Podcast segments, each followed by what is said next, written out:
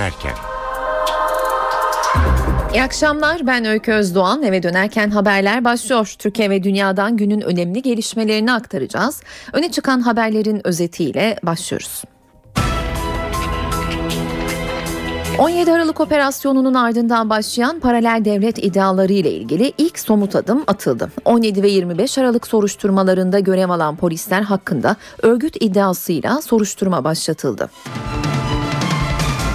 Başbakanın ofisinde bulunan dinleme cihazları ile ilgili soruşturma tamamlandı. Başbakanlık Teftiş Kurulu hazırladığı raporu hem Başbakan Erdoğan'a hem de savcılığa gönderdi. Genelkurmay Başkanı Orgeneral Necdet Özel çok sayıda askerin yargılandığı davaları etkileyecek yeniden yargılama düzenlemesinin bir an önce çıkarılmasını istedi. Özel'in bu yöndeki talebini Başbakan'a dün gerçekleşen haftalık olan görüşmede ilettiği ortaya çıktı. Kredi kartı ile yapılacak telekomünikasyon, yemek, gıda ve akaryakıt harcamalarında taksit dönemi bugün sona eriyor. Son gün vatandaş mağazalara akın etti.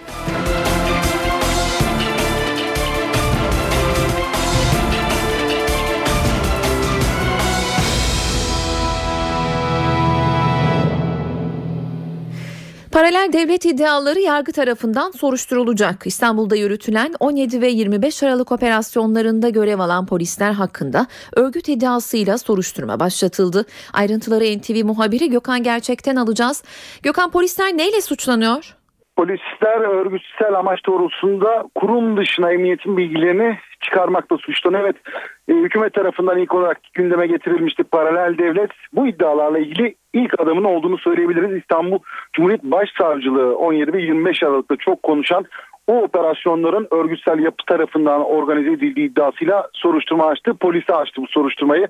E, Yolsuzluk operasyonu sonrası göreve getirilen Cumhuriyet Savcısı İsmail Uçar tarafından yürütülen bir soruşturma bu.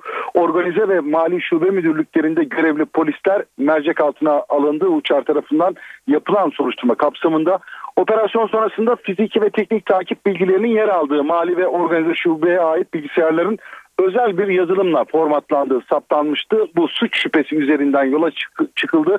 Ee, soruşturma kapsamında şubelerin bilgisayarlarının log kayıtları incelenecek. Hangi bilgisayara hangi polisin e, ne amaçla girdiği tek tek tespit edilmeye çalışılıyor Bilişim Şubesi tarafından. 17 bin sayfalık telefon dinlemesi vardı bu e, soruşturmalarda 17 Aralık ve 25 Aralık soruşturmalarında. E, bu dinleme kayıtları da inceleniyor. Teknik takip ve dinlemelerde görev alan personel hakkındaki delil karartma ve delil uydurma iddiaları da bu çerçevede değerlendiriliyor. Soruşturma kapsamında 17 Aralık sonrasında organize suçlarla mücadele şube müdürü e, Nazmi Ardıç, mali şube, e, suçlarla mücadele şube müdürü Yakup Saygılı ile arama el koyma ve gözaltı teknik takiplerde görevli emniyet görevlerinin de önümüzdeki günlerde ifadesinin alınacağı bildirildi. Teşekkürler Gökhan. NTV muhabiri Gökhan Gerçek telefon hattımızdaydı. Bundan iki yıl önce Başbakanın ofisinde bulunan dinleme cihazları ile ilgili soruşturma tamamlandı. Başbakanlık Teftiş Kurulu hazırladığı raporu hem Başbakan Erdoğan'a hem de savcılığa gönderdi. Böcek soruşturmasını özel yetkili savcılık yürütecek.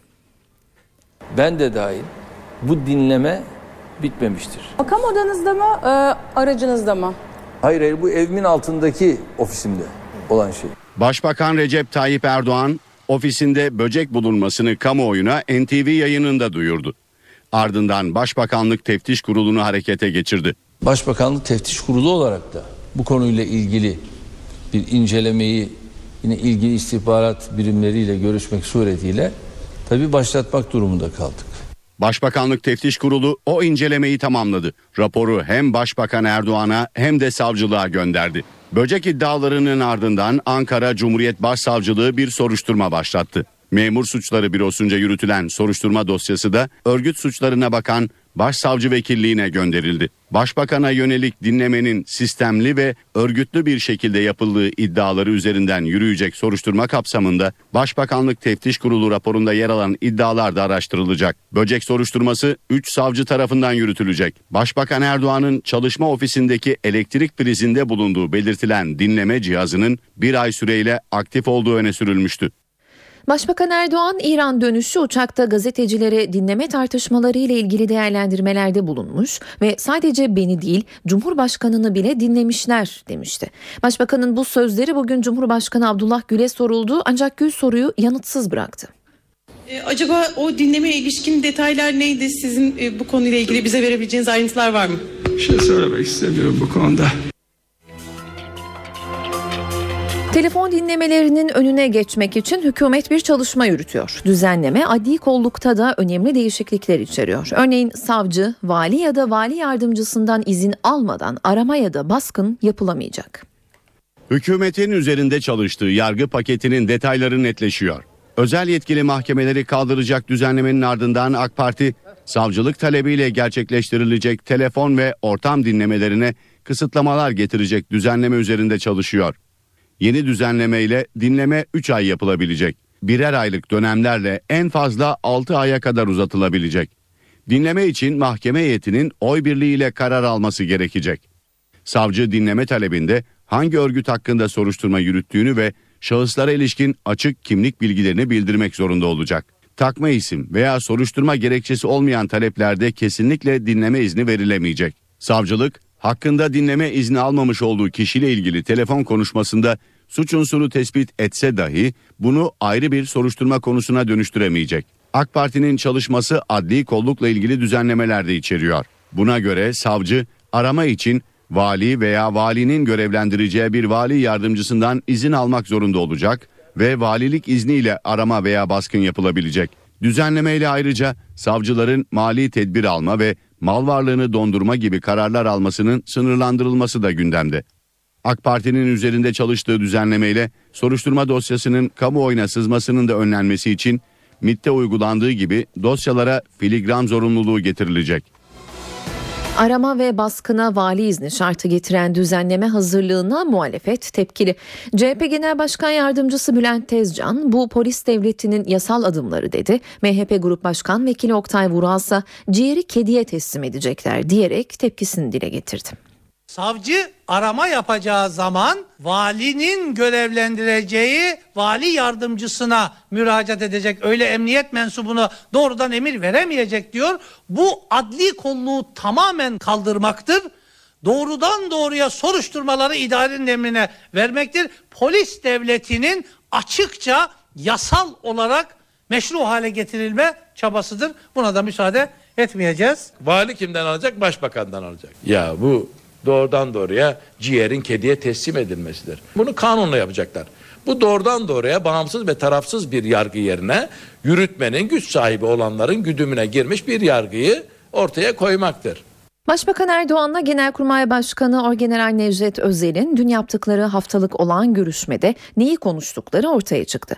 Özel Başbakan'dan çok sayıda askerin yargılandığı davaları etkileyecek yeniden yargılama düzenlemesinin bir an önce çıkarılmasını istedi. Bu konuda Genelkurmay Adli Müşavirliğin yaptığı çalışmaları da Başbakan'a sundu. Genelkurmay Başkanı Orgeneral Necdet Özel dün Başbakan'la 2 saat 15 dakika süren bir görüşme yaptı. Beklenenden uzun süren görüşmenin ana gündem maddesinin hükümetin üzerinde çalıştığı yeniden yargılama düzenlemesi olduğu ortaya çıktı. Genelkurmay Başkanı çok sayıda TSK personelinin yargılandığı davalardan doğan hak kayıplarının çözülmesini istedi. Bu konuda Genelkurmay Adli Müşavirliği'nin yaptığı çalışmaları Başbakan'a sundu. Genelkurmay'ın en önemli hassasiyeti kesin hükme bağlanan davalarda ceza alan muazzaf askerlerin orduyla ilişkilerinin hemen kesilmesi. Bazıları emeklilik hakkı kazanmadığı için hiçbir gelirleri olmadan ordudan atılıyor. Balyoz gibi kesin hükme bağlanan davalarda henüz kararlar sanıklara tebliğ edilmeden sorunun çözülmesi gerekiyor.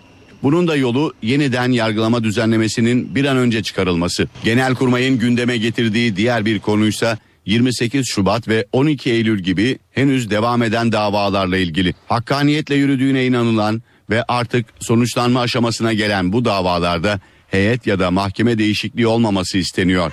Nedeni de bu davaların yeniden yargılama kapsamına alınması halinde her şeyin baştan başlayacak olması. Bu durumda özellikle 28 Şubat davasında sanık durumunda bulunan muazzaf subay ve generaller Ağustos ayında yapılacak Yüksek Askeri Şura toplantısında terfi edemeyecek. Genelkurmay bu nedenle bu davaların aynı heyetle bir an önce sonuçlandırılmasını bekliyor. Ergenekon davası yerel mahkemede sonuçlandı. Ancak davaya temel olan belgelerden biriyle ilgili Türk Silahlı Kuvvetleri'nden çarpıcı bir açıklama geldi. Danıştay saldırısıyla Ergenekon arasında bağlantı kurulmasına delil sayılan şemanın Genelkurmay tarafından hazırlanmadığı ortaya çıktı. Genelkurmay sanık avukatlarına gönderdiği yazıda Danıştay şemasının bizimle ilgisi yok dedi. Ergenekon davasına temel oluşturan belgelerden Genelkurmay Başkanlığı'nca hazırlandığı ve mahkemeye gönderildiği iddia edilen Danıştay şemasının Genelkurmay Başkanlığı tarafından hazırlanmadığı ortaya çıktı. 17 Aralık'ta başlatılan yolsuzluk ve rüşvet operasyonunun ardından emniyette görevden almalar sürüyor. Kocaeli Emniyetinde 2 ilçe emniyet müdürü ve 7 şube müdürünün görev yeri değiştirildi. Değişiklikler 2 hafta önce Kocaeli Emniyet Müdürlüğü'ne atanan Levent Yarımel'in isteğiyle yapıldı. Beklenen oldu. AK Parti'nin ihraç istemiyle disiplin kuruluna sevk ettiği İstanbul Milletvekili Muhammed Çetin partisinden istifa etti. Eski partisine ağır eleştiriler getiren Çetin AK Parti kararmıştır dedi. Bugünden itibaren AK Parti'den istifa ediyor ve siyasi hayatıma bağımsız olarak devam edeceğimi milletimize saygıyla arz ediyorum. Beklenen istifa bu sözlerle geldi. AK Parti yönetimi tarafından partiye zarar verdiği gerekçesiyle ihraç istemiyle disipline sevk edilen İstanbul Milletvekili Muhammed Çetin partisiyle yollarını ayırdı. Çetin istifaların süreceğini iddia etti. Birçok arkadaşımın da bundan sonra aynı yolu takip edeceğini yakında göreceksiniz. Muhammed Çetin istifasını Fethullah Gülen'in istediği iddialarını da yanıtladı. Fethullah Gülen'le görüşmem olmuştur. Fakat istifa etmem ya da siyasi hiçbir mesele konuşmamışımdır. Konuşmam da Ayrıca Fethullah Gülen'i tanımıyorsunuz arkadaşlar. Kimseye istifa et şunu bunu yap demez. AK Parti'den ilk istifa eden isim olan İdris Bal da kameraların karşısındaydı. İdris Bal da Fethullah Gülen'in isteğiyle istifa ettiği iddiasını yalanladı. Ben İdris Bal olarak istifa ettim. Ama gelsinler bir emirle talimatla istifa ettiğimi e, ispat etsinler vekillikten de istifa ederim. Saat 18.17 ben Öykü Özdoğan eve dönerken haberlerle yeniden karşınızdayız.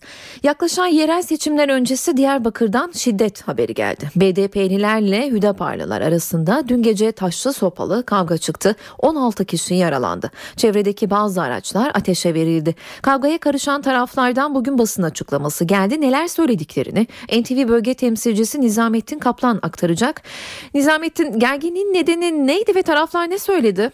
Aslında bu gerginlik sürpriz değildi. Çünkü uzun süreden beri e, bu kesimler arasında bir gerginlik söz konusuydu. Hem 90'lı yıllarda burada yaşanan e, olaylar hem de son olarak e, Suriye'nin kuzeyinde e, devam eden çatışmalara paralel olarak burada da bir gerginlik hissediliyordu.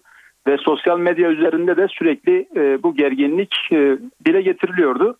E, onun dışında tabii bölgenin değişik noktalarında zaman zaman karşılıklı saldırılar da söz konusu olabiliyordu.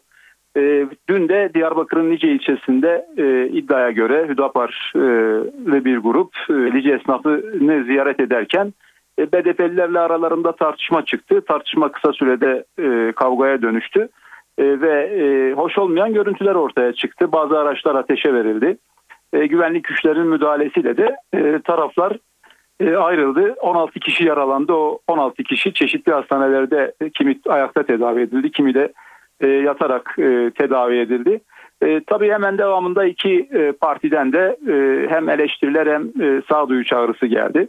İlk önce Diyarbakır Milletvekili Nursel Aydoğan hastanede yaralıları ziyaret ederken açıklamada bulundu. E, sağduyu çağrısının yanında bir de bir provokasyon olarak değerlendirdiklerini söyledi bu gelişmeleri.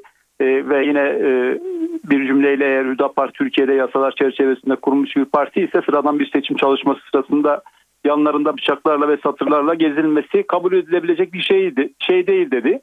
Bugün dün akşam Hüdapar Genel Başkanı bir yanıt verdi. O da e, ne kadar saldırı yapılırsa yapılsın Hür Partisi barışçıl bir şekilde seçim çalışmalarını korkmadan ve yılmadan devam edecektir. Bugün de benzer e, açıklamalar vardı. Cuma namazı çıkışında e, Ulu Cami önünde e, Mustazaflar Cemiyeti bir açıklama yaptı. E, burada Diyarbakır Büyükşehir Belediye Başkan adayı Hüdapar'ın e, Hüseyin Yılmaz da e, konuştu ve seçim çalışmalarının BDP ve PKK tarafından engellendiğini iddia etti. Yine güvenlik güçlerinin e, önlem almadığını savundu. Yılmaz ayrıca partilerine ait araçlarda e, araçlara satır ve sopaların daha sonra yerleştirildiğini e, iddia etti. Yine Demokratik Toplum Kongresi de e, konuya ilişkin yazılı bir açıklama yaptı. Açıklamada demokratik ve meşru zeminde her siyasal partinin seçim çalışmalarını yürütme hakkı var dedi e, açıklamasında DTK. Ancak e, satırlarla, sopalarla seçim çalışmalarının yürütüldüğünün, yürütüldüğünün hiçbir yerde görülmediğini e, belirttiler. İşte böylesine karşılıklı açıklamalarla devam ediyor ama şimdilik yatışmış olsa da bu tarz tartışmaların önümüzdeki ya da kavgaların önümüzdeki süreçte e, devam edeceği e, görülüyor. E, bir an önce buradaki e, kanat önderlerinin de temsilcilerinin de beklentisi sivil toplum örgütlerinin ya kana- kanat önderlerinin e, bu sorunu çözmek için devreye girmesi e, gerektiği yönünde. E, eğer devreye girilmezse önümüzdeki günlerde buna benzer görüntülerin sıkça bölgede yaşanabileceğini söylüyorlar ve STK'ları, sivil toplum örgütlerini göreve çağırıyorlar. Her iki parti yöneticilerini bir araya getirerek bu sorunun çözümü konusunda. Teşekkürler Nizamettin. NTV bölge temsilcisi Nizamettin Kaplan telefon hattımızdaydı. Sandık öncesi yaşanan bu gerilime dair bir yorum aktaracağız şimdi. Profesör Doğu Ergil hem bölgenin siyasi yapısı hem de sosyolojik durumunu göz önünde bulundurup şunları söyledi. Hizbullah devletten yana bir tavır takınıyordu.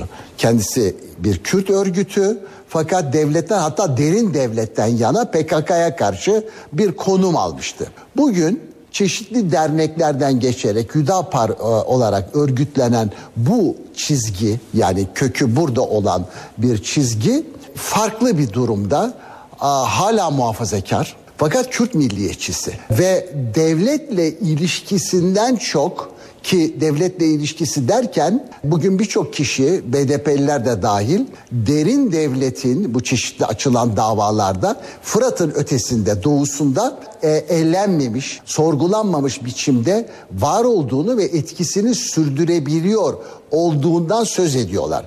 Onu paranteze aldıktan sonra bugün Hüdapar'ın o eski Hizbullah çizgisinden e, gelen e, İran'ın etkisinde olduğunu hatta BDP çevreleri İran'dan bir heyetin çok uzun bir zaman e, o, o, olmadan daha yani çok uzun bir e, süre e, bugün e, geçmiş değil e, Kandil'e gidip e, Türkiye ile mücadelesinde kendisine destek vereceğini söylediğini ve Kandil'in bunu reddettiğini ve Türkiye ile bir barış ortamına girdiği söyleniyor. Şimdi burada oylar itibariyle Hüdapar bir rakip BDP'ye. Şimdi BDP de Kürt milliyetçisi, Hüdapar da Kürt milliyetçisi. Birisi oldukça dindar yani Hüdapar, BDP ise layık bir tutum içinde.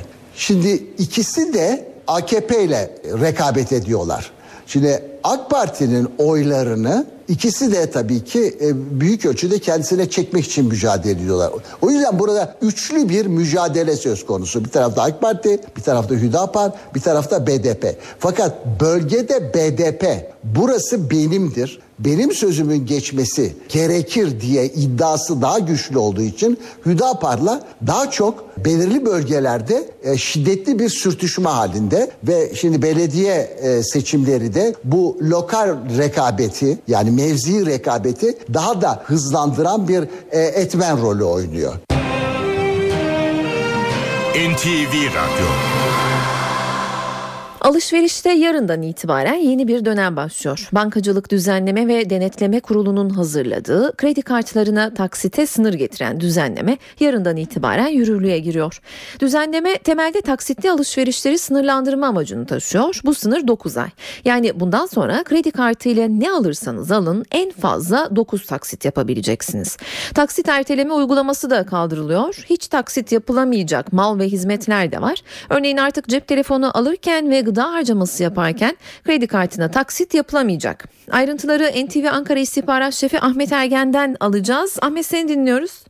Bankacılık Düzenleme Denetleme Kurumu 31 Aralık 2013 tarihinde yayınlamıştı. Bu konudaki yönetmeliği ve resmi gazetede o tarihte yayınlanmasına rağmen yürürlük tarihi 1 Şubat 2014 olarak belirlenmişti. Bir aylık bir geçiş süreci tanınmıştı yeni düzenlemeye e, hem vatandaşlara hem de e, bankalara. E, bu tarih bugün itibariyle doluyor tanınan geçiş süreci ve yarından itibaren artık kredi kartıyla taksitli alışverişlerde vade sınırı geliyor. Bunun yanı sıra e, bazı tüketici kredilerine de vade sınırı geliyor. Kredi kartlarıyla başlarsak bundan sonra kredi kartlarıyla yapılan alışverişlerde her türlü taksit süresi 9 ayı geçemeyecek. Bu ne anlama geliyor? Taksit sınırını bir anlamda delmek için e, halen uygulanan taksit erteleme uygulaması sistemi bundan sonra geçerli olmayacak. Taksit erteleme diye bir şey kredi kartıyla yapılan alışverişlerde hayata geçmeyecek. Telekomünikasyon, kuyumculuk, yemek, gıda ve akaryakıt e, alımlarında artık hiçbir şekilde taksit yapılamayacak. Ancak burada telekomünikasyon için ayrı bir başlık açmakta yarar var. Özellikle cep telefonu ve tablet bilgisayar gibi e, telekomünikasyon kapsamında sayılan ama elektronik ürün olarak da değerlendirilen bazı e, mallar için bir ara formül bulunmaya çalışılıyor. Bu konuda tarafların görüşmelerinin sürdüğünü de belirtelim. Elektronik, beyaz eşya ve turizm gibi sektörlerde ise taksit sayısı 9 olacak. Yine kredi kartıyla kontör alınabilecek ama taksit yapılmayacak kontör alımlarında.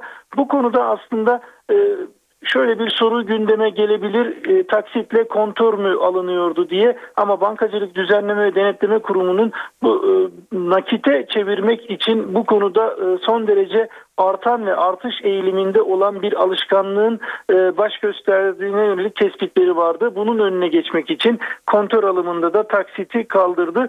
E, bir noktayı daha vurgulayalım. Gıda harcamalarında taksit yok dedik. Bu restoranlar için de geçerli. Restoranlarda da yemek e, hizmeti alınması halinde taksit bundan sonra geçerli olmayacak. Tüketici kredilerinde vade sınırlamasına baktığımızda Taşıt kredilerinde vade 48 ayı geçemeyecek. İhtiyaç kredisinde ise en fazla 36 ay vade olacak. Yine özellikle taşıt kredilerinde e, tutarla ilgili olarak e, araçların bedeliyle ilgili olarak bir sınırlama daha var.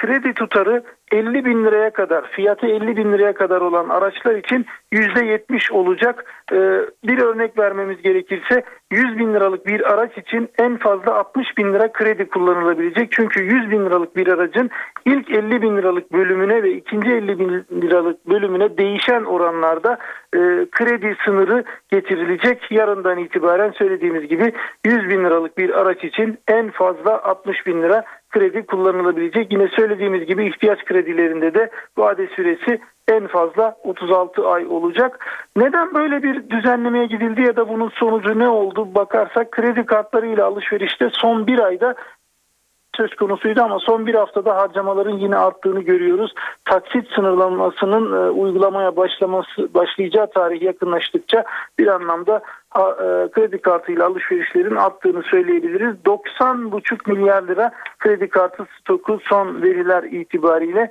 Merkez Bankası'nın e, diğer ülkelerdeki benzer uygulamaları inceleyerek yaptığı değerlendirmeye göre ise bu yeni düzenleme finansal istikrarı destekleyecek. Teşekkürler Ahmet. NTV Ankara İstihbarat Şefi Ahmet Ergen telefon hattımızdaydı. BDDK'nın yeni düzenlemesini özel bir kalemde mercek altına alacağız şimdi. Türkiye'de cep telefonu kullanımı oldukça yaygın. Yılda 10 milyon satış rakamına ulaşılıyor. Az önce Ahmet Ergen'in de aktardığı üzere yeni de düzenleme cep telefonlarının satış usulünü de etkiliyor. Artık telefonlar taksitte satın alınamayacak. Bunun etkilerini Mobil İletişim Araçları ve Bilgi Teknolojileri İş Adamları Derneği Yönetim Kurulu Başkanı Murat Dursun'la konuşacağız. İyi akşamlar Sayın Dursun. İyi akşamlar, iyi yayınlar. Teşekkürler. Bu durum satışları nasıl etkileyecek sizce? Aşağı yukarı satışların %40-45'lik oranı 9 ayın üzerinde, şimdiki düzenlemeye göre 9 ayın üzerinde kredi kartıyla taksitlendirmeyle yapılıyordu. Burada ciddi bir gerileme olacak doğal olarak. E, tabii tamamen cep telefonlarını kapsamıyor. Telekomünikasyon sektöründeki tüm ürünleri kapsıyor bu düzenleme. Dolayısıyla demin de belirtildiği gibi e, kontörler, konuşma kartları yani onun dışında e, diğer aksesuarlar, donanımlar da e, bu e, kapsamda e, taksit dışında kalmış oluyor kredi kartında. Bu tabii ki e, e, önemli bir ciro kaybına yol açıyor. Evet. Biz bunu e, farklı açılardan değerlendiriyoruz. Post tefeciliği diye adlandırdığımız amacı dışında kullanımın kredi kartının e, nakit elde etmek üzere kullanımını önlenmesi yönünde oldukça olumlu değerlendiriyoruz. Ancak telekomünikasyon ürünlerinin e, en önemli e, aracı olan cep telefonları artık günümüzde bizim e, iş yaşamımızda, günlük yaşamımızda e, ayıracı, ayıramayacağımız, ayrı değerlendiremeyeceğimiz en önemli araçlarımız haline geldi. Bir ihtiyaç olarak değerlendiriyoruz. Ve e, bunun bir şekilde hedef haline getirilmesini bu düzenlemeyle e, yani öncelikli e, mercek altına alınmasında doğru bulmuyoruz. E, elbette ki e, baktığınızda e, kullanım ortalama kullanım süreleri itibariyle eleştireceğimiz yönler olabilir. E, çünkü tamamı ithale dayalı cihazlardır bunlar. Ancak bunların önemli bir kısmı 12 ay ve üzerinde taksitlendirme yapılıyorken bir anda ve çok keskin bir şekilde sıfır taksit noktasına getirilmesini e, biz biraz maksadını, amacını aşan bir tabloyla bizi yüz yüze bırakacağı e, endişesini taşıyoruz. E, Dolayısıyla e, burada bir önemli bir sıkıntı yaşanacak. Belki hacmini daraltan, elemanını azaltan, iş yerini ya da şubelerini kapatmak zorunda kalan meslektaşlarımız olacak. Peki bunların dışında e, bu taksit döneminin sona ermesi kayıt dışı ticareti e, ya da cihaz kaçakçılığını da artırır mı sizce? Bu da, bu da ayrı bir boyutu. Beraberinde böyle problemleri gündeme getirecek, gizli tefeciliği gündeme getirecek. Yani şunu e, e, iyi tespit etmek lazım. Kredi kartları kayıt e, kayıtlı ticaretin en önemli, en değerli araçlarından biri haline geldi e, son yıllarda. E, Dolayısıyla bunun bundan mahrum kalması söylediğiniz bir takım risklerle bizi, bizi kesinlikle yüz yüze getirecek. Gizli tefecilik diye nitelendirdiğim bir takım sistemler ortaya çıkacak farklı kaynak bu, bunu taksitlendirme ile ilgili kaynakları temin edilecek farklı bir takım kayıt dışı araçlar ortaya çıkacak. Sonuçta beraberinde birçok e, sorunla yüzde geleceğiz. Ben şöyle değerlendiriyorum. Şimdi bir e, yönetmelik var, düzenleme var. 31 Aralık'ta yürürlüğe giren. Bu yönetmelikle bir kısıt getirilmiş. Bunu bu elimizde bir yönetmelik var. Bir de son iki gündür bankaların bununla ilgili üye işyerlerine gönderdiği bildirimler var. Bunun dışında yönetmelikle ilgili hiçbir teknik düzenleme de şu ana kadar yapılmamış e, bulunuyor. E, yani olay sadece sektördeki esasda ticareti ciddi şekilde e, sıkıntıya sokmanın ötesinde e, e, pratikte uygulama yönünden de bazı sıkıntıları yoğun bir şekilde yaşayacağız biz yarından itibaren. Yani bir belirsizlik var. Uygulamada bir belirsizlik var. E, Bunlarla ilgili somut bir e, e, açıklamada maalesef yapılmadı bugüne kadar. Peki teşekkür ediyoruz yayınımıza katıldığınız için Sayın Dursun. Rica ederim iyi yayınlar diliyorum. Teşekkürler. Mobil İletişim Araçları ve Bilgi Teknolojileri İş Adamları Derneği Yönetim Kurulu Başkanı Murat Dursun telefon hattımızdaydı. Bilim Sanayi ve Teknoloji Bakanı Fikri Işık, Merkez Bankası'nın faiz kararını değerlendirdi. Işık kötünün iyisi benzetmesinde bulundu. Bakan döviz kurundaki dalgalanmanın da geçici olduğunu söyledi. Merkez Bankası yasasının değiştirilmesiyle ilgili bir gündemi olduğunu hükümetin ben bilmiyorum. Faiz artırımı bir tarafta Fed'in e, tahvil alımı programını daraltmasından dolayı döviz çıkışı var. Bu hareketliliğe 17 Aralık operasyonunun da eklenmesiyle Türkiye'deki bu e, dalga boyunun artması sonucunda Merkez Bankası'nın faiz silahını çekmesiyle e, bir yeni süreç başladı. Tabii ki ben Sanayi Bakanı olarak faizlerin artışını hiçbir zaman olumlu bulmam. Faizin bir puan artışı üretim üzerinde bir risk oluşturur. Bunu ben Sanayi Bakanı olarak ya ne iyi yaptık demem. Üreticinin, ihracatçısının önünü görememesinden kaynaklanan risklerin de farkındayım. Burada iki kötüden daha az kötü olanı tercih etme yoluna gitmiştir Merkez Bankası benim açımdan. Faizlerin artmasının üretim üzerinde oluşturacağı baskıyı da biliyoruz. Faiz artışı da bana göre geçicidir. Döviz artışı da geçicidir. Bu da geçer yahu diyeceğiz.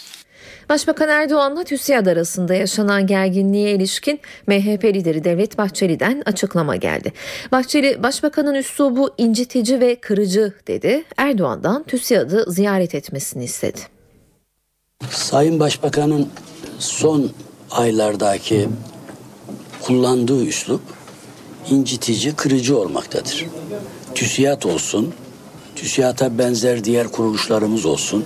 Bu kuruluşların görüşlerini ortaya korken siyasi iktidarın paylaşmadığı unsurlar varsa onlar da onu ortaya kor ve bir tartışma noktası zemininde bir anlaşmaya da varılabilir. Değerli müteşebbisçilerin bulunduğu ve temsil edildiği bir kuruluşa ve onun başkanına hain demek çok yanlış bir kavramdır. Sayın Başbakan bu hatasının farkına varmalı ve TÜSİAD'ı ya davet etmeli ya orayı ziyaret etmelidir.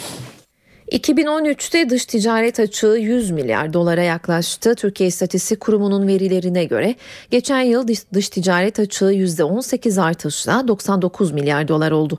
213'te 151 milyar dolarlık ihracat, 251 milyar dolarlık da ithalat yapıldı.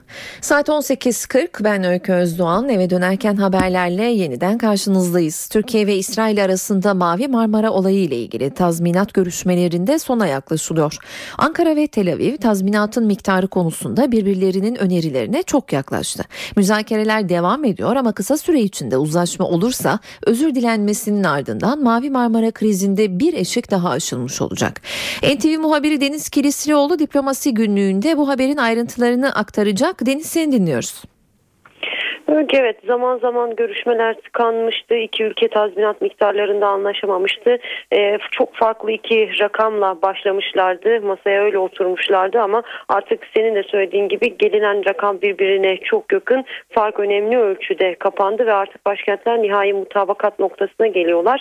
Ee, hem Tel Aviv hem de Ankara son değerlendirmelerini yapıyor bu e, hayatını kaybedenler ve yaralananlar için belirlenecek tazminat miktarı konusunda. Tabii e, bu konu eğer aşılabilirse Mavi Marmara sonrası krizde bir eşik daha aşılmış olacak ama önemli bir konu diplomatik ilişkilerin Mavi Marmara saldırısı öncesindeki seviyeye gelmesi ve büyükelçilerin yeniden atanması gibi konular. Bu konular tabii gündeme gelecektir ama bununla ilişkin net bir takvim olmadığını söyleyelim. Yine nihai kararı verecek olanların da siyasi iradeler olduğunu yani İsrail ve Türkiye başbakanları olduğunu söyleyelim Öykü. Ee, peki Deniz Fransa Cumhurbaşkanı François Hollande'ın Türkiye ziyaretinin arka planına ilişkin de bir takım bilgiler var galiba elinde olan Türkiye'nin AB süreciyle ilgili neler söyledi? Evet e, müzakereler devam etmeli demişti. Fransa yeni fasıl açmaya hazır ifadelerini kullanmıştı basın toplantısında. E, erklerin ayrımı, temel haklar, hukuki güvenceler gibi konularda yürüyebiliriz, devam edebilir müzakereler demişti. Tabii bu bahsettiği e, fasıllar 23 ve 24. fasıllar. Bu fasıllar üzerinde Avrupa Birliği Komisyonu'nun engeli var Kıbrıs sorunu yüzünden. E, Anladığımız o ki Fransa Cumhurbaşkanı olan görüşmelerde e, Kıbrıs hükümetiyle konuşurum e, dediği ifade ediliyor. Yani Rum yönetimiyle görüşeceğinin e, bir anlamda mesajını verdi içeride e, hem Cumhurbaşkanına hem Başbakan'a. Tabii şunun altını çizelim. Hollanda'nın Kıbrıs'la ilgili Kıbrıs'la konuşurum, e, Güney Rum yönetimiyle konuşurum ifadesi fasıllar üzerindeki engellerin kaldırılması için değil e, Kıbrıs müzakerelerini kasten bu ifadeyi kullanıyor. Yani iki taraf arasında müzakereler olacaksa Rumlara daha yapıcı olun mesajı e, vermekten bahsediyor. E, en azından yetkililer bize bu bilgileri verdi. E, tabii Kıbrıs sorunu çözülmedikçe Rumların vetolarını kaldırması pek mümkün gözükmüyor. Ama müzakereler içinde Kıbrıslı Rumların masaya yaklaşmadığı konusunda Türkiye'nin eleştirileri var. Dolayısıyla tüm bu konular e, gündeme geldi. Olandın ziyaretinde bu arada bu akşamı bir son notla kapatalım. Bugünün hareketli bir e, gündem maddesiydi. E, Ankara Büyükşehir Belediye Başkanı Melik Gökçek e, Amerikan Büyükelçisiyle yaptığı bir görüşmede e, Amerikan Büyükelçisini davet ettim. Size olayların aslında birebir anlatalım dedim. Sonunda da e, AK Parti iktidarı gidecek demişsiniz dedim. Kim söyledi diye bana yanıt verdi. Yalanlasanız da dedim. Yalanlamadı ifadeleriyle e, ikisi arasındaki görüşmelerin olduğu iddia edilen bazı açıklamaları gazetelere yansımıştı. Ankara Büyükşehir Belediye Başkanı'nın o açıklamaları da Amerikan Büyükelçiliğinden yalanlama geldi. 22'deki Temmuz'daki görüşmeyle ilgili açıklamaları tamamen reddediyoruz dedi Amerikan Büyükelçiliği. Amerika Birleşik Devletleri parti veya grupları değil her zaman Türkiye'yi ve paylaştığımız ilkeleri destekleriz. Büyükelçi de e, bunu vurguladı dedi. Bu arada Amerikan Büyükelçisi'nin bugün Dışişleri Bakanlığı'na gittiğini söyleyelim ama bu görüşme bu gelişmelere ilişkin bir dışişlerine çağırma değil daha öncesinden yapılan rutin bir planlama olduğunu ve bunun üzerine bakanlığa gittiğini de ekleyelim. Teşekkürler Deniz. NTV muhabiri Deniz Kulislioğlu bizimleydi. Suriye'de 3 yıldır süren savaşın sonlandırılması için geçtiğimiz hafta Cenevre'de başlayan barış görüşmelerinde ilk tur sona erdi. Bir haftadır süren müzakerelerin ardından kameraların karşısına geçen Birleşmiş Milletler'in Suriye özel temsilcisi Lahda Brahimi ikinci tur görüşmeler için 10 Şubat tarihini önerdi. Brahimi muhalefetin öneriyi kabul ettiğini ancak Esad yönetimini temsil eden heyetin konuyu Şam'a danışacağını belirtti.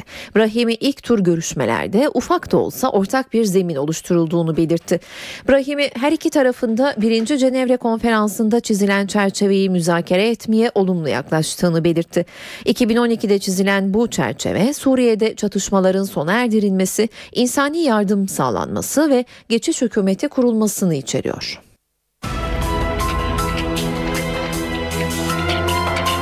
Çatışmalardan kaçan onlarca Suriyeli Türkiye'ye geçiş yapmak için bekliyor. Tel Abyad'daki yoğun çatışmalardan kaçan Suriyelilerin Akçakale sınır kapısına geldiği belirtildi ancak kapı güvenlik gerekçesiyle tüm geçişlere kapalı.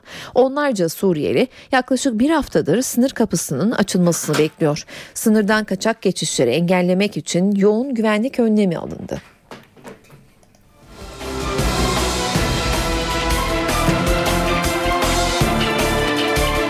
İngiltere'nin kuzeybatısında bir nükleer santralde normalin üzerinde radyasyon tespit edildi. Yetkililer santralde çalışan personel sayısını azalttı. Ayrıntıları NTV muhabiri Hüseyin Günay'dan alacağız. Hüseyin radyasyon seviyesi neden yükseldi? Öykü hala radyasyon seviyesinin neden yükseldiğine ilişkin net bir bilgi yok. Fakat e, olağan bir durum olduğuna ilişkin haberler gelmeye de devam ediyor. Ee, senin de söylemiş olduğun gibi Büyük Britanya adası bu sabah nükleer panikle uyandı. Çünkü İngiltere'nin en büyük nükleer santralinde normalin üzerinde radyoaktif madde sızıntısı tespit edildiği sabah saatlerinde hemen açıklandı ve basına bildirildi. Ee, Burası oldukça büyük bir e, santral yaklaşık 480 kilometrelik bir alan üzerine kurulu ve 10 bin dolayında da çalışanı bulunuyor. Ve bu sabah radyoaktif maddelerin sızıntı oranında artış tespit edildikten hemen sonra zorunluluğu bulunmayan tüm çalışanlar evlerine gönderildi. Yaklaşık e, e, İngiliz hükümetinin vermiş olduğu bilgilere göre yaklaşık 8 bin dolayında işçi Cuma günü sabahtan itibaren çalışmadı ve pazartesi de işe gelip gelmeyeceği şu an için net değil. İngiltere'nin kuzeybatısında İrlanda Denizi'nin kıyısında bulunan bu nükleer santralde yaşanan radyoaktif yükselmesine ilişkin santral yetkilileri gün içerisinde açıklamalarda bulundu.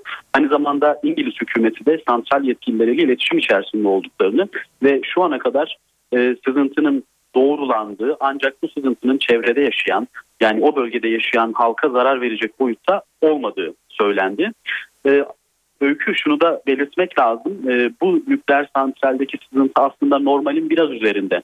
Fakat bu kadar çok ciddiye alınmış olmasının sebebi bu, nükleer santralin İngiltere'deki bu nükleer santralin sicili oldukça bozuk. E, bu İngiltere'de olmasının yanı sıra Avrupa'nın da en büyük nükleer santrali ve 1957 yılında Avrupa'nın e, en büyük santrali olan bu santralde bir patlama meydana geldi. Aslında bu kadar çok haberlere konu olmasının da sebebi bu. Acaba ikinci bir patlama mı yaşanacak korkusuydu. Ee, son olarak şunu söyleyebilirim. Ee, Türkiye'de de zaman zaman nükleer tartışmalar yaşanıyor. Santral olsun mu olmasın mı tartışmalar yaşanıyor ama hı hı. E, nükleer teknolojisi ile insan yaşamı karşı karşıya geldiğinde sanırım tercihi doğru yapmak gerekiyor. Aksi takdirde tarihe az önce söylediğim gibi not düşecek kazalara veya patlamalara tanık olunması işten bile değil öykü. Peki teşekkürler Hüseyin. NTV muhabiri Hüseyin Günay telefon hattımızdaydı. Filme konu olan davada karar açıklandı. Amanda Knox ve eski sevgilisi cinayetten suçlu bulundu. Knox 28,5, sevgilisi ise 25 yıl hapis cezasına çarptırıldı. İtalya'da öğrenciyken İngiliz arkadaşını bıçaklayarak öldürmekten yargılanan Amerikalı Amanda Knox bir kez daha cinayetten suçlu bulundu. Floransa'da temiz mahkemesi şu anda Amerika'da yaşayan Knox'u 28,5 yıl hapis cezasına mahkum etti. O dönem Knox'un erkek arkadaşı olan Rafael Sollecito da 25 yıl hapis cezasına çarptırıldı. 26 yaşındaki Amanda Knox hakkında yeniden mahkumiyet kararı alınmış olmasının dehşet verici ve üzücü olduğunu söyledi. İkilinin avukatları temyiz ve son karar için Yargıtay'a başvuracaklarını duyurdu. İtalyan medyası tarafından melek yüzlü katil olarak tanımlanan Amanda Knox ve erkek arkadaşı 2007 yılında ev arkadaşları Meredith Kercher'ı öldürmekten hapis cezasına çarptırılmıştı. Ancak ikili hapiste geçirdikleri 4 yılın ardından temyiz başvurularının kabul edilmesiyle 2011'de beraat etmişti. Geçen Mart ayında ise temyiz mahkemesi Knox ve Sollecito hakkındaki beraat kararını bozdu ve davanın yeniden görülmesine karar verdi. Olay İtalya'da Cinayet Davası adlı filme konu olmuş. Amanda Knox'u Hayden Panettiere canlandırmıştı. Saat 19 ben Öykü Özdoğan eve dönerken haberlere günün öne çıkan gelişmelerinden başlıklarla devam ediyoruz.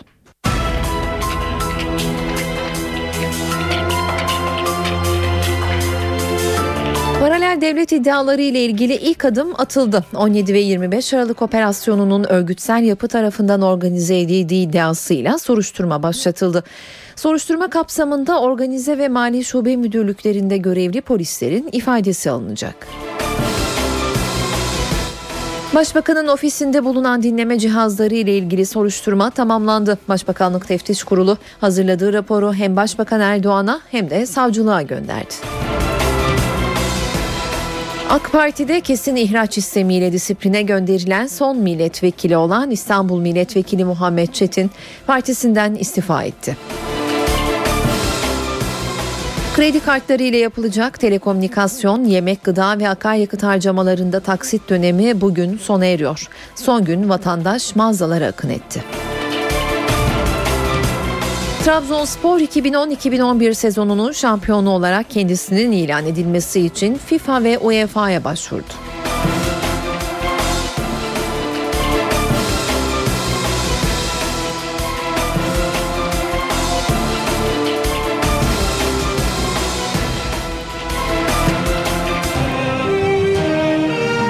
NTV Radyo 17 Aralık'ta başlayan rüşvet ve yolsuzluk operasyonlarını yürüten, telefon dinlemesi ve fiziki takip yapan polisler hakkında örgüt suçlamasıyla soruşturma açıldı. Polisler devlete ait gizli belge ve bilgileri örgütsel amaç doğrultusunda kurum dışına çıkarmakla suçlanıyor.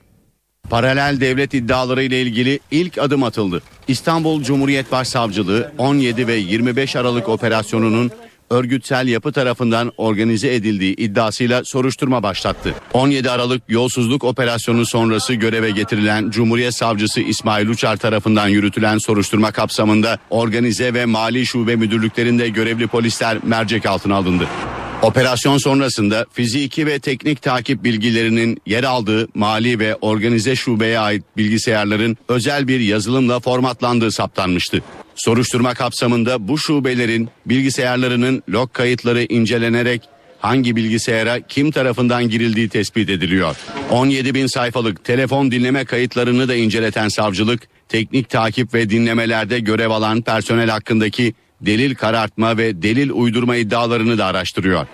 Soruşturma kapsamında 17 Aralık sonrası Organize Suçlarla Mücadele Şube Müdürü Nazmi Ardıç, Mali Suçlarla Mücadele Şube Müdürü Yakup Saygılı ile arama, el koyma, gözaltı ve teknik takiplerde görevli emniyet görevlilerinin ifadesinin alınacağı bildirildi.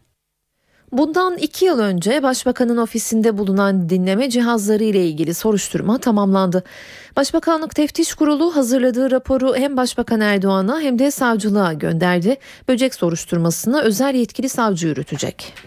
Ben de dahil bu dinleme bitmemiştir. Makam odanızda mı, e, aracınızda mı? Hayır hayır bu evimin altındaki ofisimde olan şey. Başbakan Recep Tayyip Erdoğan ofisinde böcek bulunmasını kamuoyuna NTV yayınında duyurdu. Ardından Başbakanlık Teftiş Kurulu'nu harekete geçirdi. Başbakanlık Teftiş Kurulu olarak da bu konuyla ilgili bir incelemeyi yine ilgili istihbarat birimleriyle görüşmek suretiyle tabii başlatmak durumunda kaldık.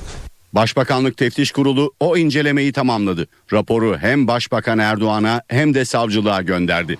Böcek iddialarının ardından Ankara Cumhuriyet Başsavcılığı bir soruşturma başlattı. Memur Suçları Bürosu'nca yürütülen soruşturma dosyası da örgüt suçlarına bakan Başsavcı Vekilliğine gönderildi. Başbakan'a yönelik dinlemenin sistemli ve örgütlü bir şekilde yapıldığı iddiaları üzerinden yürüyecek soruşturma kapsamında Başbakanlık Teftiş Kurulu raporunda yer alan iddialar da araştırılacak. Böcek soruşturması 3 savcı tarafından yürütülecek. Başbakan Erdoğan'ın çalışma ofisindeki elektrik prizinde bulunduğu belirtilen dinleme cihazının bir ay süreyle aktif olduğu öne sürülmüştü. Başbakan Erdoğan İran dönüşü uçakta gazetecilere dinleme tartışmaları ile ilgili değerlendirmelerde bulunmuş ve sadece beni değil Cumhurbaşkanını bile dinlemişler demişti. Başbakanın bu sözleri bugün Abdullah Gül'e soruldu ancak Gül soruyu yanıtsız bıraktı. Bu konuda bir şey söylemek istemiyorum dedi. 17 Aralık operasyonlarının ardından AK Parti'den istifa eden milletvekillerinin sayısı 8'e yükseldi. Kesin ihraç istemiyle disipline gönderilen İstanbul Milletvekili Muhammed Çetin partisinden istifa etti. Çetin istifa ederken de AK Parti'ye yönelik ağır eleştiriler getirdi. Neler söylediğini parlamento günlüğünde NTV muhabiri Miray Aktağuluç aktaracak. Miray seni dinliyoruz. Öykü bugün Türkiye Büyük Millet Meclisi'ndeki en önemli gelişmelerden biriydi. Bu AK Parti'de kesin ihraç istemiyle disipline gönderilen son milletvekili olan İstanbul Milletvekili Muhammed Çetin bugün partisinden istifa etti. AK Parti'ye yönelik ağır eleştirileri vardı Çetin'in. AK Parti kararmıştır ifadelerini kullandı ve onun istifası ile birlikte 17 Aralık operasyonlarının ardından AK Parti'den ayrılan milletvekili sayısı 8'e çıkmış oldu. Partide daha fazla kalmak doğru değil dedi. Bu yüzden partisinden istifa ettiğini ifade etti. AK Parti yönetimi tarafından partiye zarar verdiği gerekçesiyle ihraç istemiyle disipline sevk edilmişti ve istifaların süreceğini iddia etti Çetin. İstifası sırasında pek çok arkadaşımın da bu yönde hareket edeceğini göreceksiniz dedi. İstifasını Fethullah Gülen'in istediği iddialarını da yanıtladı Çetin. Fethullah Gülen'le görüşmesinin olduğunu söyledi ancak Gülen'i tanımıyorsunuz istifa konusunu asla konuşmadık. Kimseye istifa et demez ifadelerini kullandı ve AK Parti'den ilk istifa eden isim olan İdris Bal da bugün kameraların karşısına geçen isimlerden biriydi. O da Fethullah Gülen'in istediği istifa ettiği iddiasını yalanladı. Kendisinin İdris Bal olarak istifa ettiğini belirtti ve gelsinler bir emirle talimatla istifa ettiğimi ispat etsinler. Ben vekillikten de istifa ederim dedi. Bu yöndeki iddiaları sert bir dille yalanlamış oldu. Dediğimiz gibi bugünkü istifanın ardından 8'e çıkmış oldu. 17 Aralık operasyonların ardından AK Parti'den ayrılan milletvekili sayısı. Parlamentoda bugün takip ettiğimiz diğer başlıklar neydi? Hemen onları da aktaralım. Özel yetkili mahkemelerin kaldırılması ile ilgili Adalet ve Kalkınma Partisi harekete geçmişti. Buna ilişkin siyasilerden gelen değerlendirmeler vardı. E, meclisteki basın toplantılarında bununla ilgili değerlendirmeler vardı ama AK Parti'nin bununla ilgili düzenleme hazırlığı devam ediyor. Bu düzenlemenin bugün Türkiye Büyük Millet Meclisi'ne gelmesi bekleniyordu ancak beklenen olmadı. Peki nasıl bir paket bekleniyor? Hemen onu da aktaralım. 15-17 maddeden oluşan bir düzenleme hazırlıyor Adalet ve Kalkınma Partisi. O düzenleme Anayasa Komisyonu'ndaki demokratikleşme paketine eklenecek ve özel yetkili mahkemeler tamamen kaldırılacak. AK Parti'nin üzerinde çalıştığı ikinci bir paket daha var. O da 25-27 maddelik bir düzenleme ve onunla birlikte de savcılık talebiyle gerçekleştirecek telefon ve ortam dinlemelerine kısıtlamalar getirilecek. Örneğin adli kolluk düzenlemeli ile e, savcılar artık vali veya vali yardımcılarından izin almak durumunda kalacak eğer bir dinleme yapmak ya da bir operasyon yapmak, arama veya baskın yapmak isterlerse 6 aydan uzun süre dinlemelerde yapamayacaklar gibi bir takım düzenlemeler bekliyoruz. Adalet ve Kalkınma Partisi'nden bugün düzenleme Türkiye Büyük Millet Meclisi'ne gelmedi ama önümüzdeki hafta hafta başında gelmesini bekliyoruz ve o aşamadan sonra e, büyük ihtimalle Perşembe günü Anayasa Komisyonu'na düşmesi bekleniyor. Bu düzenlemenin komisyondan da genel kurula gelecek gibi görünüyor.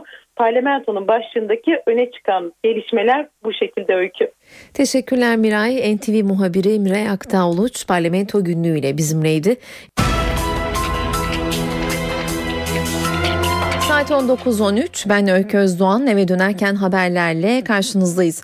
Şanlıurfa'da 4 gün önce kaybolan genç kadının cesedi bir kuyuda bulundu. Hamile olduğu belirlenen 19 yaşındaki Hacire Göve kuzenleri tarafından ölüm tuzağı kurulduğu ortaya çıktı.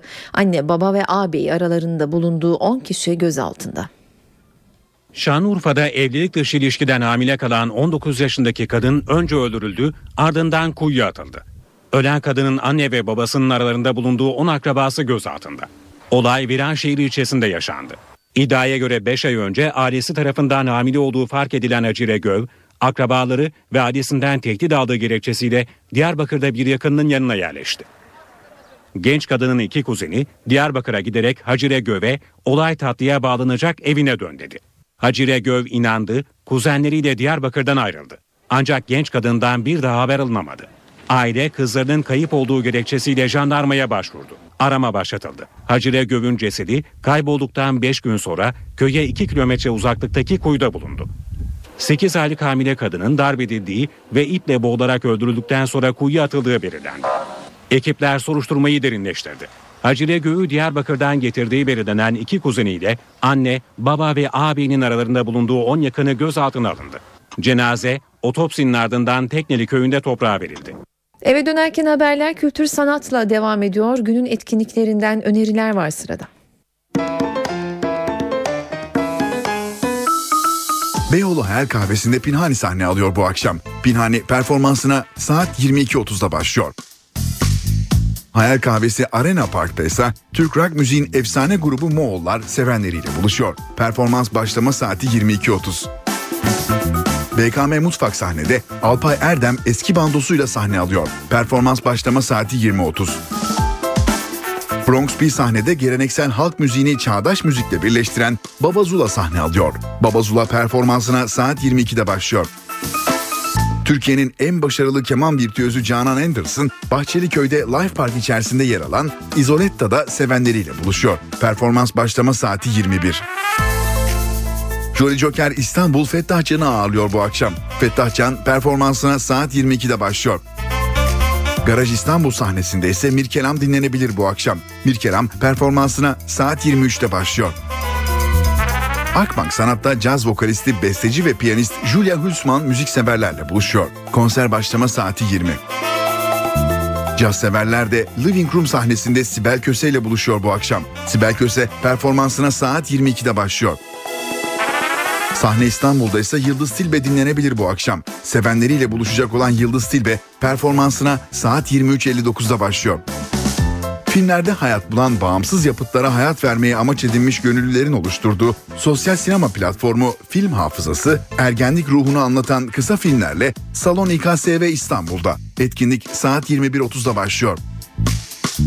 Tiyatro severler için de bazı önerilerimiz olacak. Hayal Perdesi Beyoğlu sahnesinde Dostoyevski'nin ölümsüz eseri Suç ve Ceza sahneleniyor. Dostoyevski kimi zaman Raskolnikov, kimi zaman bir fahişe, kimi zaman öldürülen yaşlı bir kadın, kimi zaman da cinayeti soruşturan bir savcının sesi olup aslında sistemin herkese aynı yok edicilikte davrandığını gösteriyor. Bu büyük eserde Deniz Şen Hamzoğlu'nu hem yönetmen hem oyuncu olarak izlediğimiz bu büyük eserde Yılmaz Aydın ve Gülay Say gibi oyuncular rol alıyor. Oyun perdelerini saat 20'de açıyor.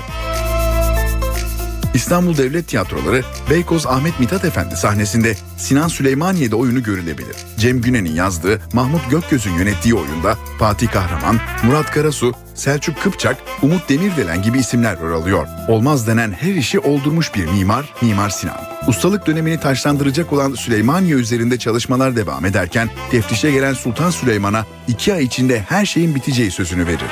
Artık önünde hayatının en zor sınavlarından biri durmaktadır ve aşmak zorunda olduğu engeller yalnızca bir yapıtın tuğlalarıyla harcı değil, aynı zamanda her fırsatta karşısına çıkan bazı yöneticiler ve başarısını kabullenmek istemeyen güçlerdir. Oyun perdelerini saat 20'de açıyor.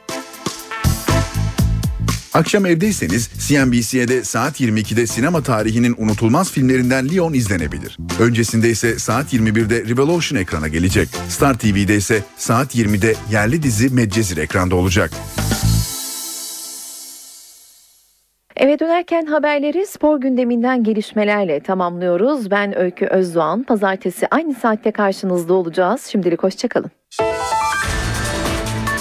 Fenerbahçe'ye bir maç ceza geldi. Profesyonel Futbol Disiplin Kurulu Sarı Lacivertli Kulübe bir maç seyircisiz oynama cezası verdi. Disiplin Kurulu Fenerbahçe Lig'in 18. haftasında Torku Konya Spor'la oynadığı maçta taraftarının çirkin ve kötü tezahüratı nedeniyle bir maç ceza verdi. Kurul, eylemin bu sezon içinde 5. kez gerçekleştiğini açıkladı. Ligin 19. haftasında deplasmanda Eskişehirspor ve 20. haftada yine deplasmanda Sivasspor'la karşılaşacak Fenerbahçe, 21. haftada Kadıköy'deki Kasımpaşa maçını seyircisiz oynayacak. Cezanın taraftarın maçın sonunda Galatasaray aleyhine yaptığı tezahürat nedeniyle verildiği öğrenildi. Sarı lacivertliler cezanın iptali için tahkim kuruluna başvuracak. Spor Toto Süper Lig'de 19. hafta mücadelesi bugün oynanacak tek maçla başlayacak program şöyle. Haftanın açılışı bu akşam Beşiktaş'ta Kayseri Erciyesspor arasında maç 20'de başlayacak. 1 Şubat Cumartesi günü programında 3 maç var. Günün ilk mücadelesi saat 15'te Kayseri Spor'la Kasımpaşa arasında. Saat 19'da 2 maç oynanacak. Medikal Park Antalya Spor Gaziantep Sporu Eskişehir Spor'da Fenerbahçe'yi konuk edecek. 2 Şubat Pazar günü ise 4 maç var. Saat 13.30'da Karabük Spor Elazığ Sporu, saat 16'da Akhisar Belediyespor Gençler Birliği'ni, Torku Konyaspor Sivas Spor'u konuk edecek. Günün son maçı ise saat 19'da Galatasaray ile Bursa Spor arasında İstanbul Türk Telekom Arena stadında oynanacak. Haftanın perdesi ise 3 Şubat Pazartesi günü kapanacak. Saat 20'de Çaykur Rizespor Trabzonspor'u konuk edecek. Spor Toto Süper Lig'de 19. haftanın ilk maçında Beşiktaş bugün Atatürk Olimpiyat Stadında Kayseri Erciyesspor'u ağırlayacak. Saat 20'de başlayacak karşılaşmada yeni transfer Jermaine Jones kadroda yer alamayacak. Siyah beyazlarda Veli, Sivok ve Necip de yok. Beşiktaş taraftarı Jermaine Jones'u bu hafta siyah beyazlı formayla izleyemeyecek. Beşiktaş Süper Lig'in 19. haftasında Erciyesspor'da yapacağı maçın hazırlıklarını tamamladı. Nevzat Demir tesislerindeki antrenmana yeni transfer Jones da katıldı. Takımla birlikte çalışan Birleşik Amerikalı oyuncunun maç kadrosunda yer almayacağı öğrenildi. Beşiktaş'ta ayrıca sakatlıkları bulunan Sivok ve Necip'in yanı sıra sarı kart cezalısı Veli Kavlak da forma giyemeyecek. Teknik direktör Slaven Bilic'in takımı sahaya şu ilk 11 ile sürmesi bekleniyor. Tolga, Serdar, Pedro Franco, Ersan Motta, Atiba Hutchinson, Fernandez, Gökhan Töre, Oğuzhan Olcay ve Almeida. Öte yandan siyah beyazlı takımda üçer sarı kartları olan Olcay Şahan ve Manuel Fernandez, Kayseri Erciyesspor maçında sarı kart görmeleri halinde 20. haftada oynanacak Gaziantepspor karşılaşmasında forma giyemeyecekler. Kayseri Erciyespor'da ise sakatlı olan Atilla maçta forma giyemeyecek. Teknik direktör Hikmet Karaman'ın takımını şu ilk 11 ile sahaya sürmesi bekleniyor. Boryan, Mehmet Akgün, Numan, Mangane Ekrem, Cemcan, Mandcek, Traore, Cenk Ahmet Yasin, Flemnix. Beşiktaş'ın yeni transferi Jermaine Jones, siyah beyazlı taraftarlar hakkında güzel bilgiler aldığını ve artık onlar için savaşacağını söyledi. Beşiktaş'ın 2,5 yıllık sözleşme imzaladığı Birleşik Amerika'da oyuncu beklentilere karşılık vereceğini ifade etti. Beşiktaş'a Almanya'nın Schalke 04 takımından transfer olan Jermaine Jones, siyah beyazlı taraftara umut dolu mesajlar verdi. Beşiktaş TV'ye konuşan Birleşik Amerikalı orta saha oyuncusu, artık siyah beyazlı formanın başarısı için sahada elinden geleni yapacağını dile getirdi. Nevzat Demir tesislerinde takım arkadaşlarıyla tanışan ve ilk antrenmanına çıkan Jones, transferinde emeği geçenlerin güvenine karşılık vermeye çalışacağını söyledi. Jones, sezonun ikinci yarısında takımın iyi bir performans göstermesine ve ligde iyi sonuçlar almasına yardımcı olmak istiyorum, dedi. Süper Lig'in iyi bir organizasyon olduğunu belirten deneyimli oyuncu, eski Beşiktaş'ta Fabian Ernst ile konuştuğunu ve verdiği bilgiler doğrultusunda Beşiktaş'ı tercih ettiğini belirtti. Jones, siyah beyazlı taraftarı överek, takımlarını koşulsuz destekleyen bir taraftar grubu. Onlara büyük bir saygı duyuyorum. Şunu bilmelerini istiyorum. Ben de yürekten oynayan bir oyuncuyum. Formayı sırtıma geçirdikten sonra sahada elimden geleni yapacağım diye konuştu. Beşiktaş'ta 33 numaralı formayı giyeceğini belirten Jones, takıma adapte olabilmesi için biraz zamana ihtiyaç duyabileceğini de sözlerine ekledi. Beşiktaş Başkanı Fikret Orman şampiyonluk yarışından umutlu. Lig maratonunda son 100 metrenin önemli olduğunu ifade eden Orman, Önder Özen ve Slaven Bilic'e desteğinin tam olduğunu ifade etti. Fikret Orman yeni stadın bitmesiyle birlikte ezeli rakipleriyle kafa kafaya mücadele edeceklerini vurguladı. Beşiktaş Başkanı Fikret Orman Sabah gazetesine açıklamalarda bulundu. Siyah beyazlıların şampiyonluk şansını değerlendiren Başkan Orman, lider Fenerbahçe ile olan 14 puanlık farka rağmen daha hiçbir şeyin bitmediğini söyledi. Hayat bir maraton. İlk 100 metreye değil son 100 metreye kimin nasıl gireceğine bakmak önemli diyen Fikret Orman, Sivas Spor'un bile yarışın içinde olduğunu dile getirdi. Yeni yönetim, yeni teknik kadro, yeni oyuncularla mücadele etmenin zorluğuna dikkat çeken Başkan Orman, bunun yanı sıra statlarının olmamasının da büyük dezavantaj yarattığına vurgu yaptı. Fenerbahçe ve Galatasaray'ın stat gelirleri yönünden kendilerinden önde olduğuna değinen Orman, Vodafone Arena'nın bitimiyle beraber maddi açıdan ezeli rakipleriyle kafa kafaya geleceklerini söyledi. Yeni stadın zamanında bitmeyeceği söylentilerinin kendilerini daha da motive ettiğini belirten Fikret Orman, stadı bitirmemiz gerek ki kulüp olarak ayağa kalkabilelim diye konuştu. Önder Özen ve Biliş bir proje diyen Başkan Orman eleştirilere rağmen takıma desteğinin sonuna kadar süreceğini vurguladı. İbrahim Toraman ve Sezer olayının kendileri için kapandığını söyleyen Fikret Orman, Fernandez ve Almeida konusuna da değindi. Orman bu iki isim için girişimlerini yaptıklarını ancak henüz anlaşma zemini sağlanamadığını belirtti. Transferde bu sene Türk oyunculara yatırım yaptıklarını, önümüzdeki sezon yabancı oyunculara yatırım yapacaklarını dile getiren Fikret Orman, Ronaldinho'yu alsaydık Türkiye'ye gelmiş en büyük transfer olacaktı. Ben de taraftar olsam Ronaldinho gibi bir yıldızı takımda görmeyi çok isterim ama yönetimde olunca tüm dengeleri düşünmek zorunda kalıyorsunuz ifadelerini kullandı. Galatasaray'ın Borussia Dortmund'dan kadrosuna kattığı Koray Günter imza sonrası açıklamalarda bulundu. Genç savunmacı Türkiye'nin en büyük kulübüne geldiği için çok mutlu olduğunu söyledi. Ara transfer döneminde Hayrovic, Salih Dursun, Umut Gündoğan ve Alex Teliz'i kadrosuna katan Galatasaray, Borussia Dortmund'dan Koray Günter'i de 4,5 yıllığına renklerine bağladı. Sarı Kırmızılar 19 yaşındaki stoper için Borussia Dortmund'a 2,5 milyon bonservis bedeli ödeyecek. Koray 4,5 yılda 4 milyon 700 bin euro garanti para alacak. Borussia Dortmund 2015-2016 sezonunda Koray Günter'i 7 milyon euro karşılığında Galatasaray'dan geri alma hakkına sahip olacak. İmza sonrası Koray Günter kulüp televizyonuna açıklamalarda bulundu. Türkiye'nin en büyük kulübüne geldiği için mutlu olduğunu ifade eden genç oyuncu Almanya'da Süper Ligi yakından takip ettiğini söyledi. Fenerbahçe ile 10 puan fark için daha her şey bitmedi farkı kapatabiliriz diyen Koray Galatasaray'da Drogba, Snyder ve Hamit Altın top gibi çok iyi futbolcuların olduğunu ifade etti. Adaptasyon sorununu aşıp bir an önce takıma katkı sağlamak istediğini belirten 19 yaşındaki stoper takıma girebilmek için çok çalışması gerektiğini söyledi. Koray en büyük özelliğinin ise topu oyuna sokmak ve fizik üstünlüğü olarak belirtti. Bu arada Galatasaray Manisa Spor'dan transfer ettiği Oğuzhan Kayar'la 4,5 yıllık sözleşme imzaladığını borsaya bildirdi. Sarı Kırmızılar 18 yaşındaki futbolcuya 4,5 yıl için 850 bin lira ücret ödeyecek. Manisa Spor'a bonservis bedeli olarak 2 milyon 250 bin lira ödenecek. Yargıtay'ın şike davası kararının ardından UEFA beklenen adım attı. Türkiye Futbol Federasyonu'ndan Yargıtay'ın şike kararlarının orijinali ve tercümesi istendi. Şike davası sürecinde tüm gelişmeleri ve kararları rutin olarak talep eden UEFA Yargıtay kararını da istedi. Futbol Federasyonu da bunun üzerine Ulusal Yargı Ağı projesinden kararın metnini talep etti. Federasyon gerekçeli kararı UYAP'tan alıp İngilizce çevirisini yapacak. Federasyonun en kısa sürede gereken hazırlığı tamamlayarak Yargıtay kararının Türkçe ve İngilizce metnini NİON'a göndermesi bekleniyor. Euroleague'de Galatasaray Live Hospital bugün İpekçi Spor Salonu'nda Zalgiris Kaunas'ı ağırlayacak. Saat 20'deki mücadele NTV Spor Smart'tan canlı yayınlanacak. Galatasaray Live Hospital Turkish Airlines Euroleague son 16 F grubu 5. maçında Žalgiris Kaunas'la karşı karşıya gelecek. Euroleague'deki 3 maçlık mağlubiyet serisine geçtiğimiz hafta deplasmanda Bayern Münih'i 72-66 mağlup ederek son veren Sarı Kırmızılılar grupta tek galibiyetle 6. sırada. Sarı Kırmızılı ekibin sayı yükünü çeken Carlos Arroyo 17.8 sayı ortalamasıyla son 16 turunun sayı liderliğinde 4. sırada yer alıyor. Bir dönem Türkiye'de de forma giyen efsanevi oyuncu Salius Stombergas'ın antrenörlüğünü yaptığı Žalgiris Kaunas'ın ikinci turda galibiyeti yok. Grubun son sırasında yer alan Litvanya ekibinin en etkili ismi 17.1 sayı ortalamasıyla oynayan Justin Dentman. Lokomotiv Kuban maçındaki 11 asistiyle kulüp rekorunu eline geçiren Dentman'ın yanı sıra Yautokas, Yankunas ve Yasikevicius da konuk takımın etkili silahları arasında. Euroleague'de Anadolu Efes bugün playoff turunda kritik bir sınava çıkacak. Lacivert Beyazlılar İspanya'nın Laboral Kutsa takımına konuk olacak. Mücadele saat 21.45'te başlayacak ve NTV Spor'dan canlı yayınlanacak. Anadolu Efes Turkish Airlines Euroleague Top 16 E grubu 5. hafta maçında İspanya'nın Laboral takımıyla deplasmanda karşı karşıya gelecek.